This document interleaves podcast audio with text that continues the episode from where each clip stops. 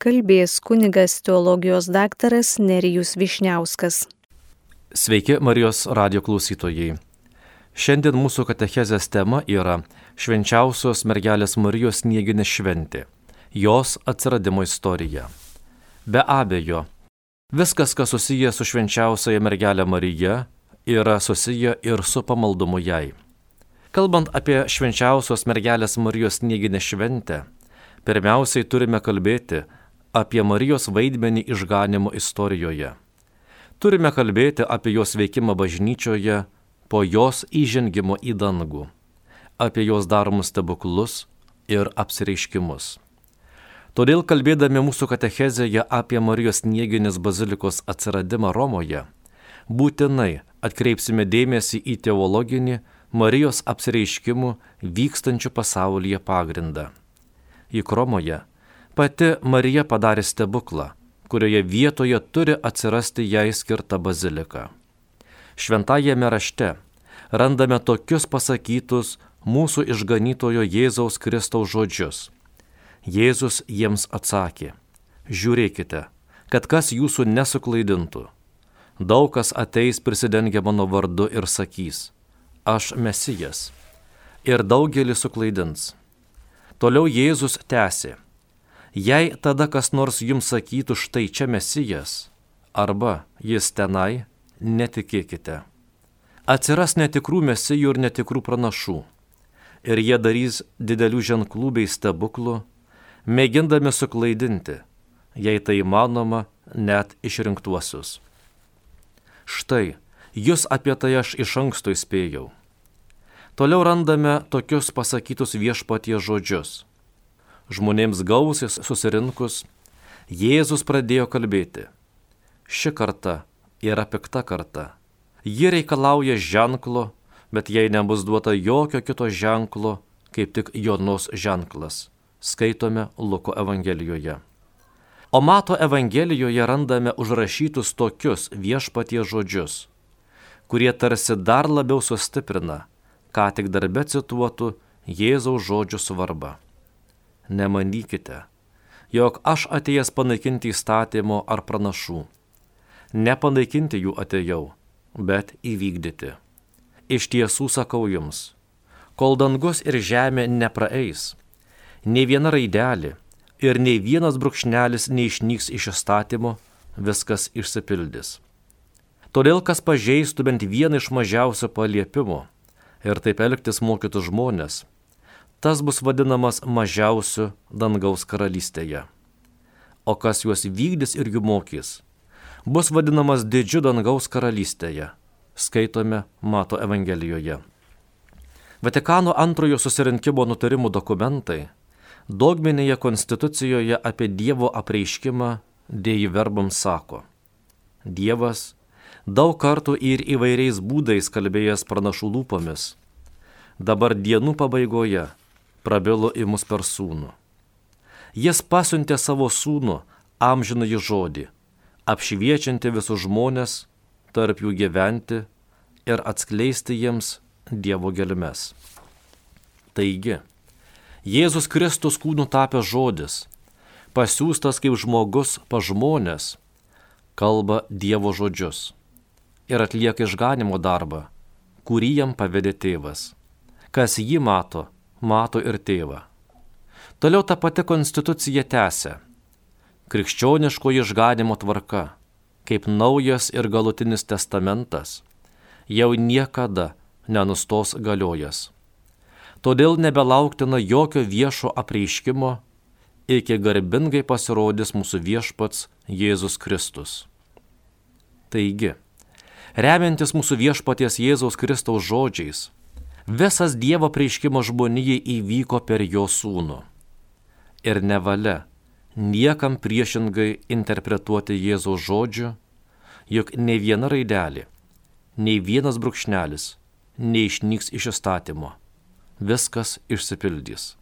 Todėl kito apreiškimo žmonėms nebus duota. Ta mums patvirtina katalikų bažnyčios mokymas kad nebelaukiama jokio viešo apreiškimo, iki sugrįž išganytojas su visa savo garbe laikų pabaigoje. Tad kaipgi yra su Jėzaus ir Marijos apsireiškimais katalikų bažnyčioje? Kadangi mes čia nekalbėsime apie Jėzaus pasirodymus, todėl jų neliesime. Čia mes apžvelgsime Marijos apsireiškimų teologiją. Pristačiu šventojo rašto argumentus ir katalikų bažnyčios mokymo naujausias gairias dėl dieviškojo prieiškimo, natūraliai kyla klausimas, o kaipgi yra su Marijos apsireiškimais? Marijos apsireiškimai dažnai veikia ne tik konkrečios vietos bažnytinį gyvenimą, bet kartais įtakojo ir įtakoja visą bažnyčią. Kai kurie jų yra patvirtinami bažnyčios kaip tikri, autentiški, gerbtini ir įtraukiami į liturgiją. Turi įtako žmonių pamaldumui ir jį ugdo, kiti priešingai atmetami. Bažnyčia per savo istoriją niekada neteikė tokios reikšmės Marijos apsireiškimams, kaip įvyko po Liurdo ir Fatimos įvykių XIX ir XX amžiuose. Ar bažnyčia pritarusi tikėjimui apsireiškimais ir Marijos šventųjų vietų lankymui, tuo pačiu nepaliko vietos praktikoms, kurios yra veikiau patrauklios nei gilios, veikiau idiliškos nei solidžios. Galbūt ji leidosi patraukiama tik paviršutiniško ir sentimentalaus žmonių pamaldumo. Kaip ten bebūtų, katalikų bažnyčios katekizmas moko Vis dėlto, nors apreiškimas ir baigtas, jis nėra iki galo išaiškintas. Krikščionių tikėjimas ilgainiui privalo laipsniškai atskleisti visą jo turinį. Amžiams bėgant yra buvę vadinamųjų privačių apreiškimų. Kai kurie jų buvo bažnytinės valdžios pripažinti. Tačiau jie nepriklauso tikėjimo lobiui. Jie turi ne pagerinti, ar papildyti galutinį Kristaus apreiškimą, bet tikroje istorijos epochoje padėti jį pilnutinę užgyventi. Bažnyčios mokymo vadovaujami, tikintieji gali atskirti ir pasirinkti tai, kas tuose apreiškimuose yra autentiškas, bažnyčiai adresuotas, Kristaus ar jo šventųjų kreipimasis. Krikščionių tikėjimas negali priimti apreiškimų kurie bando viršyti ar taisyti Kristaus užbaigtąjį apreiškimą. To esti kai kuriuose nekrikščioniškose religijose ar šių dienų sektuose, kurios remiasi tokiais apreiškimais. Taigi, remdamiesi bažnyčios mokymu matome, kad bažnyčia Kristaus apreiškimą laiko baigtu ir neįpareigoja savo tikinčiųjų tikėti naujais paties Kristaus ir jo šventųjų, tame tarpe ir jo motinos Marijos apsireiškimais. Bažnyčia juos ragina atskirti ir pasirinkti tai, kas juose yra autentiška, bažnyčia adresuota tam tikrų laikmečių ir tam tikroje epochoje. Tačiau tuo pačiu bažnyčia neneigia, kad gali egzistuoti ir egzistuoja Jėzaus, jo šventųjų tame tarpe ir Jėzaus Kristaus motinos Marijos apsireiškimai, kuriuos visgi bažnyčia laiko tikrais ir autentiškais, nors jais ir neįpareigoja tikėti. Katalikų bažnyčia savo mokymę kalbėdama apie Marijos vaidmenį pačioje bažnyčioje ir išganimo plane teigia. Paimta į dangų. Ji nenustojo vykdžiusi šios išganingos pareigos, bet visokiojopai mus užtardama ir toliau parūpina amžinąjį išganimą užtikrinančių dovanų. Todėl bažnyčia kreipiasi į palaimintąją mergelę kaip į užtarėją, pagalbininkę, remėją ir tarpininkę. Taigi, remdamiesi katalikų bažnyčios mokymu ir tradicija apie Marijos apsireiškimus, galime teikti, kad pati Dievo motina po Kristaus įžengimo į dangų bažnyčioje ir išganimo plane, nenustoja rūpintis tikinčiųjų užtarimu pas Dievą, parūpindama savo tikintiesiems išganimą teikiančių dovanų, kurių viena ir yra josios apsireiškimai istorijoje, kurių kiekvienas turi savo paskirtį ir uždavinį. Pavyzdys. Štai, kada Lietuvai grėsė atsimetimas nuo katalikybės, kada pati Šilova buvo virtusi visos Lietuvos kalvinų centru, su joje veikiančia kalvinų kunigų seminarija, kada jau nebuvo vilties laimėti bylą Vilniaus tribunolę dėl Šilovos parapijos ir jai priklausančio turto susigražinimo, čia pagelbėjo pati Dievo motina. Juk tik šio pasireiškimo dėka buvo ne tik susigražinta iš Kalvinų Šilovos parapija, bet ir Lietuva liko katalikišku kraštu. Atsižvelgus į čia išdėstytą bažnyčios mokymą ir tradiciją dėl Marijos apsireiškimo, galime teisingai suprasti ir privačių apsireiškimų. Tai yra visų regėjimų ir Dievo atsiskleidimų įvykusių po Naujojo testamento pabaigimo sampratą. Popiežius Benediktas XVI, dar būdamas kardinolu ir tikėjimo mokymo kongregacijos prefektu, savo komentare dėl Marijos apsireiškimo Fatimoje sakė, kad nors vienintelis visoms tautoms skirtas apreiškimas baigėsi su Kristumi ir su Naujajame testamente išdėstytų liudijimu, susaisto bažnyčia su šiuo unikaliu šventosios istorijos įvykiu ir Biblijos žodžiu, kuris patvirtina ir aiškina minėtą įvykį. Tačiau tai nereiškia, kad bažnyčia dabar turi žiūrėti tik į praeitį ir būti pasmerkta bevaisiam kartojimuisi. Įvykio unikalumo ir jo suvokimo aspektą, kalbant apie Marijos apsireiškimus, puikiai paaiškina viešpaties atsisveikinimo kalbos. Jis mokiniams sako, dar daugelį jums turėčiau kalbėti, bet dabar jūs negalite pakelti kai ateis toji tiesos dvasia, jūs jį ves į tiesos pilnatvę. Ji nekalbės iš savęs, ji pašlovins mane, nes jums iš to, kas mano, ir jums tai paskelbs. Skaitome Jono Evangelijoje. Tuomet dar kardinolas Josefas Ratzingeris, vėliau tapęs popiežiumi Benediktų XVI, aiškino, kad viena vertus šventoji dvasia vadovauja ir atveria suvokimą, kad tikintysis prisijimtų suvokimo naštą, kurios anksčiau nebūtų įstengęs priimti. Kita vertus, šis vadovavimas imamas iš paties viešpaties lobyno, kurio neišsemiamumas išryškėja kaip tik šiame dvasios vadovavime. Šiuo klausimu katalikų bažnyčios katekizmas cituoja popiežiaus Grigaliaus didžiojo posakį, kad dieviškiai žodžiai auga draugė su juos skaitančiuoju. Vatikano antrasis susirinkimas nurodo tris būdus, kaip šventoji dvasia vadovauja bažnyčiai ir kaip jai vadovaujant auga Dievo žodis. Tai vyksta per tikinčiųjų studijas ir meditaciją, per mąstymą, kuris kyla iš dvasinės patirties ir per tų, kurie su paveldėta viskupystė yra gavę tikrą tiesos charizmą. Dievui nėra negalimų dalykų. Juk po Kristaus įžengimo į dangų visas bažnyčios gyvavimo laikotarpis yra vadinamas šventosios dvasios veikimo laikotarpiu.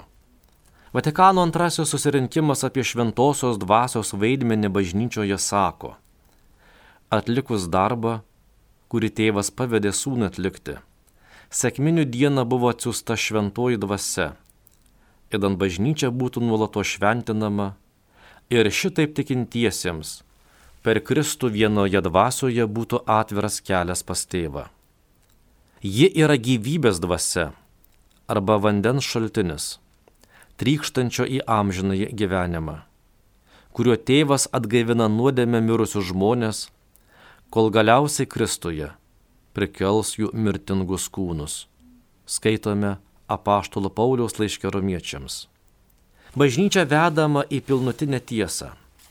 Ji vienyje bendrystėje ir tarnyboje, moko ir tvarko įvairiomis hierarchinėmis ir charizminėmis dovanomis, puošia savo vaisiais. Evangelijos dėka ji bažnyčia jaunina, nuolatos atnaujina ir veda į vienybės su sužadėtiniu atbaigimą. Todėl, kaip matome, nuo viešpaties įžengimo į dangų Dievas per šventąją dvasę gali įsiterpti į istoriją ir duoti ženklą žmonijai. Juk tik šventosios dvasios dėka mergelė tapo neščia, tapo Dievo motina. Dievas įėjo į istoriją kaip žmogus. Marija nėra bevalis įrankis. Jos ryštingas fiat laikomas krikščioniškojo tikėjimo pavyzdžiu. Dievas mūsų neįkalbinėja, jis nori mus įtikinti. Apie tai ir byloja apsireiškimo Marijai scena. Dievas nepanoro tapti žmogumi be iščių moters, kurį ji nori išnešiotų ir pagimdytų. Nevalia būtų neikti, kad Dievas, norėdamas perteikti savo impulsus, pasitelkia sukurtuosius pasiuntinius bei pasiuntinės. Todėl būtent per apsireiškimus ir pasireiškia šie Dievo impulsai, o kartu ir pačios Dievo motinos motiniškumas ir rūpestis bažnyčia bei jos tikinčiaisiais. Teologai, besiremdami popiežiaus Pauliaus VI kalba, pasakyta 1975 metais spalio 16 dieną teigia, kad žmogui reikalinga nuolatinė Dievo malonė ir vedimas. Todėl sėkminės bažnyčioje tebesitęsia. Todėl ir šventoji dvasia žmogui dalyja dovanas įvairiausiais būdais ir pavydalais.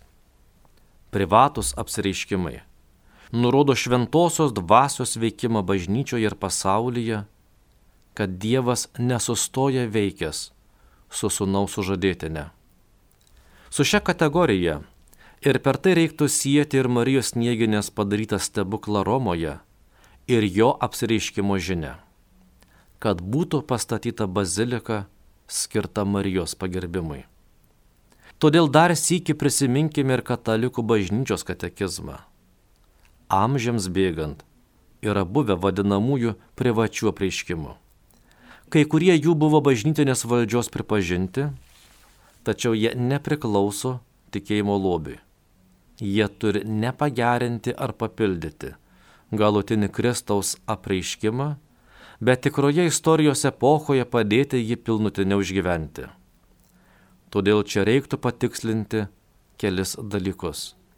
Pirma, privačių apsireiškimų svarumas iš esmės kitoks nei viešojo prieiškimo. Pastarasis reikalauja mūsų tikėjimo. Jame per žmogiškus žodžius ir per gyvą bažnyčios bendruomenės tarpininkavimą pats Dievas kalba žmogui. Tikėjimas į Dievą ir jo siūstas žodis skiriasi nuo kiekvieno kito tikėjimo, pasitikėjimo ir žmogiškosios malonės. Žinojimas, kad kalba pats Dievas, žmogui suteikia tikrumo jog tai, kas girdima, yra tikra tiesa, kurios tikrumo negalėtų garantuoti jog žmogiškas pažinimas ir įtikinėjimas. Ant šio tikrumo tikinti žmogus stato gyvenimą. Šiuo tikrumu kliaujasi mirdamas. Antra, privatus apsireiškimas sustiprina šį tikėjimą. Jo patikimumas kaip tik remiasi tuo, kad jis žmogų veda link viešojo apreiškimo kardinolas Prosperas Lambertinis, būsimasis popiežius Benediktas XIV, apie tai kalba savo klasikinėme traktate, kuris vėliau tapo betifikacijų ir kanonizavimo normatyvu. Šiems apsireiškimams nėra privalu suteikti katalikų tikėjimo pritarimą, nors jie ir patvirtinti bažnyčios, tai net neįmanoma. Vadovaujantis blaiviu protu, reikia jiems pritarti žmogiškuoju tikėjimu tiek, kiek šie apsireiškimai yra galimi ir religijos požiūriu įtikimi. Privataus apsireiškimo tiesos kriterijus ir jo vertė yra tikinčiųjų kreipimas į Jėzų Kristų. O jei privatus apreiškimas mus tolina nuo Kristaus, ar net pretenduoja tapti geresnis ir svarbesnis už Evangeliją, tai reiškia, kad apsireiškimas ateina ne iš šventosios dvasios, kuri mus veda prie Evangelijos. Štai Šilovoje apsireiškusi Dievo motina, kaip tik kalbėjo apie savo sūnų ir kreipė į jį. Kadangi Šilova buvo tapusi kalvinų centru, Katalikų tikėjimas tuometinėje Lietuvoje buvo stipriai nunykęs. Todėl Šiluvoje apsireiškusi Dievo motina atkreipė tikinčių dėmesį į sūnaus garbinimą, į grįžimą prie katalikybės, o ypač šiame Marijos apsireiškime galime išvelgti ir nuorodą į Eucharistijos garbinimą ir Eucharistijoje esantį gyvą, realų ir tikrą Jėzaus Kristaus buvimą, kurio pasigendama protestantiškame mokyme apie Eucharistiją. Paimta į dangų. Dievo motina užėmė išskirtinę vietą pas aukščiausiąjį, tarp visų šventųjų. Ir per tai pasireiškia išskirtinis josios vaidmuo bažnyčioje per visus laikus. Marija paimta į dangų. Ji neatsiriboja nuo mūsų, ji domisi mumis, priešingai. Ji padaugina, šimteriopai padidina savo motinišką rūpestį ir užtarimą prie švenčiausios trybės sosto, būdama visados mūsų pusėje. Ji yra laukiama Velykų dovana, kurią jis suteikė Kristus jo sūnus ir viešpats. Todėl bažnyčia ją iš tikrųjų vertina kaip visų motina. Todėl, kaip matome, paimta į dangų, mergelė Marija toliau rūpinasi bažnyčia, užtardama mus pas tėvą. Tęsiant mintį apie Marijos snieginę šventę, turime žinoti, kad tai popiežiaus Pijaus V laikais, tai yra XVI amžiaus viduryje, rūpjūčio penktą dieną įvesta šventė. Visoje bažnyčioje kaip paminėjimas Romoje pastatytos Marijos bazilikos, kurią pastatė popiežius Sikstas III 440 metais miręs. Tai viena pirmųjų pasaulyje Marijos šventovių Romoje. Tradicija teigia, kad popiežius Liberijus, popiežiavęs 352-366 metais, negalėdamas apsispręsti, kur minėtą baziliką statyti, gavo iš dangaus ženklą. Karšto rūpjūčio mėnesio rytą ant Eskvelino kalvos rado apsniktą plotą, kaip nurodymą busimos bazilikos vietos. Tradicija apie popiežiaus Liberijos patirtą stebuklą renkant vietą Marijos bazilikai patvirtina ir Vatikano internetinis puslapis, skirtas minėtai šventoviai. Sniegas vasarą išties buvo stebuklas Romoje. Tad bevaikė romiečių pora, pasak tradicijos, palaikė tai ženklu ir paukojo pinigų bažnyčios statybai. Jei tikėsime tradiciją, Marija jau ketvirtame amžiuje įsiterpė į pasaulio istoriją, padarydama stebuklą, kurio vaisių Marijos Nieginės baziliką šiandien galime Romoje pamatyti. Juk ir pats titulo vardas, kuriuo dedikuotų bažnyčių yra daugybė pasaulyje, Marijos Nieginės, nurodo Marijos padarytą stebuklą ant Eskvilino kalvos. Bazilikoje yra palaidoti tokie žymus žmonės kaip Lorenzas Berninis, 17 amžiaus italų baroko skulptorius, dailininkas ir architektas.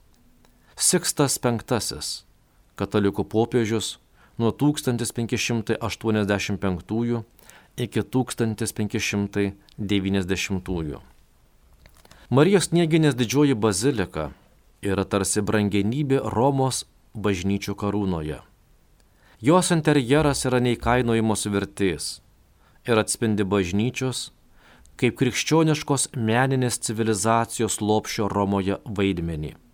Beveik 16 šimtmečių Marijos didžioji bazilika laikėsi Marijos par excellence pozicijos ir buvo bei yra traukos centras piligrimams iš viso pasaulio, atvykstantiems į amžinąjį miestą, patirti bazilikos grožio, didybės, šventumo ir jo sakralumo.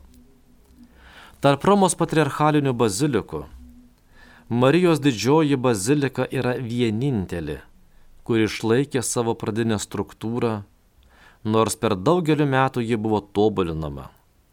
Ypatingos bažnyčios detalės daro ją unikale, įskaitant penktojo amžiaus centrinės navos mozaikas, triumfo arką, pasiekiančią mus iš popiežiaus Siksto III pontifikato, penktame amžiuje, popiežiavusio popiežiaus. ir apsidinė mozaiką, kurią pranciškonas brolius Jakopo Turiti sukūrė. Bazilikos pasididžiavimas yra jos grindinys, kurį 1288 metais dovanojo Romos didikas Skoto Paronė. 1450 metais Giuliano Sangalo suprojektuotos auksuotos medinės lubos. Labai puošnus yra bazilikos didysis altorius.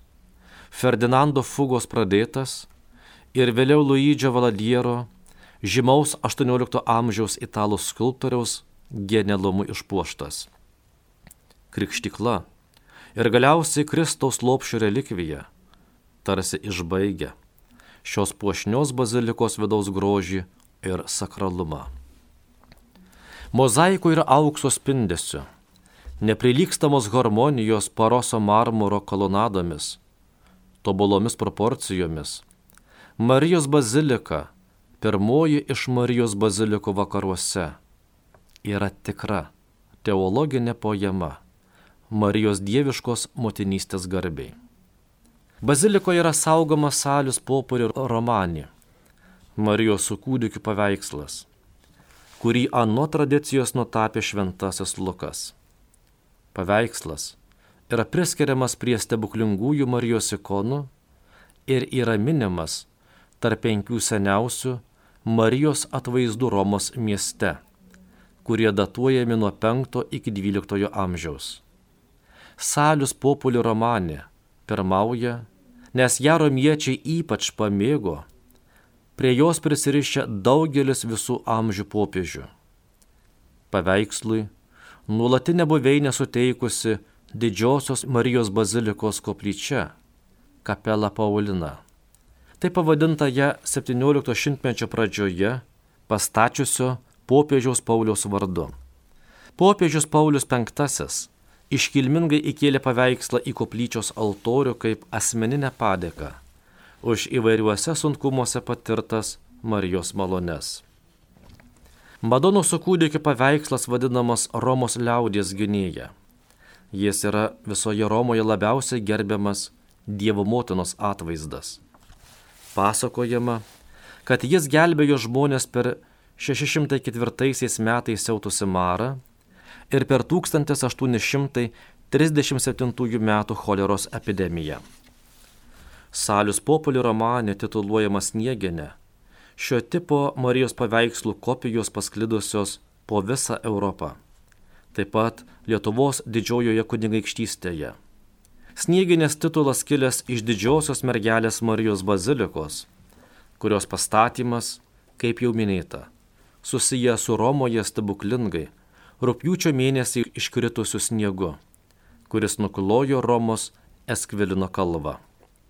O štai popiežius Jonas Paulius II nuo pat savo pontifikato pradžios prašė deginti aliejinę lempą dieną ir naktį po salius populį romanį paveikslu, liudijant jo didžiulį atsidavimą motinai. Vis dėlto, nors bazilikos pastatymas siejamas su popiežiaus Liberijaus sapnu, ir sniego stebuklu.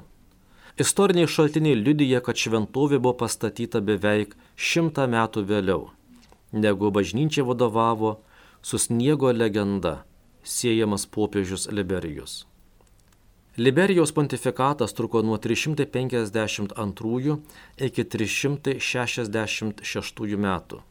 Liber pontifikalis tai yra popiežių biografijų knyga užsimena apie popiežiaus Liberijaus Romoje statytą baziliką, bet aiškiai nesako, kad ji buvusi dedikuota Dievo motinai. Tuo tarpu istoriniai šaltiniai liudyja, kad pirmosios Marijai dedikuotos bazilikos statytojas buvo popiežius Sikstas III, vadovavęs bažnyčiai nuo 432 iki 440 metų. Jo pontifikatas prasidėjo vos vieneriems metams praėjus nuo 431 metais vykusio Efezo visuotinio susirinkimo, kuris paskelbė, kad mergelę Mariją galima ir reikia vadinti Teotokos, Dievo motina. Nepaisant padavimo ir istorinių šaltinių nesutapimo, tradicija Dievo motinai dedikuotos bazilikos statybą priskiria popiežiui Liberijui. Snieginės titulas - tai kartu ir gimtosios nuodėmės nesutepto mergelės Marijos šventumo simbolis. Nive Candidijor - už sniegą baltesnė. Šiuo vardu krikščionis nuo amžių kreipėsi į Dievo motiną. Kelis kartus restauruota, Marijos didžioji bazilika garsėja kaip pirmoji snieginės Dievo motinos šventovė pasaulyje. Stebuklingo sniego atminimui rūpiučio penktąją per jai skirtą šventę iškilmingų šventų mišių metu nuo Dievo motinos koplyčios kupolo barstomi baltų rožių žiedlapiai. Snieginės Dievo motinos šventė plačiai žinoma visame pasaulyje, o Junktinėse valstijose pati didžiausia snieginės Dievo motinos nacionalinė šventovė yra Belvilyje, Ilinojaus valstijoje, atvirame ore. Apmąstymams skirti sodai, susitikimų centrai ir programos šioje šventovėje leidžia maldininkams giliau pajusti Kristaus buvimą jų gyvenimuose.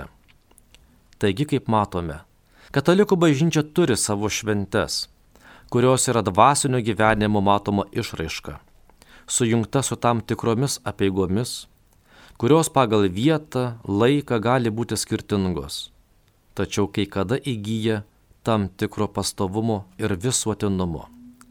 Žmogus savo negalioje visuomet ieškojo pagalbos iš aukštesnės galybės ir norėjo užsitikrinti savo jos globą. Tam buvo reikalingos tam tikros iškilmės, šventės ir apėgos. Kiekviena religija turi įvairių savo švenčių, bet nei vienoje iš jų šventės nėra tokios reikšmingos ir turinčios taip prasmingai išdirbtą sistemą, kaip katalikų bažnyčioje. Čia šventės sekdamos viena kitą, sudaro bažnytinius metus, laikotarpius, kuriuose Kristaus šventės yra pagrindas, o Marijos ir šventųjų tarsi papildymas, papuošimas.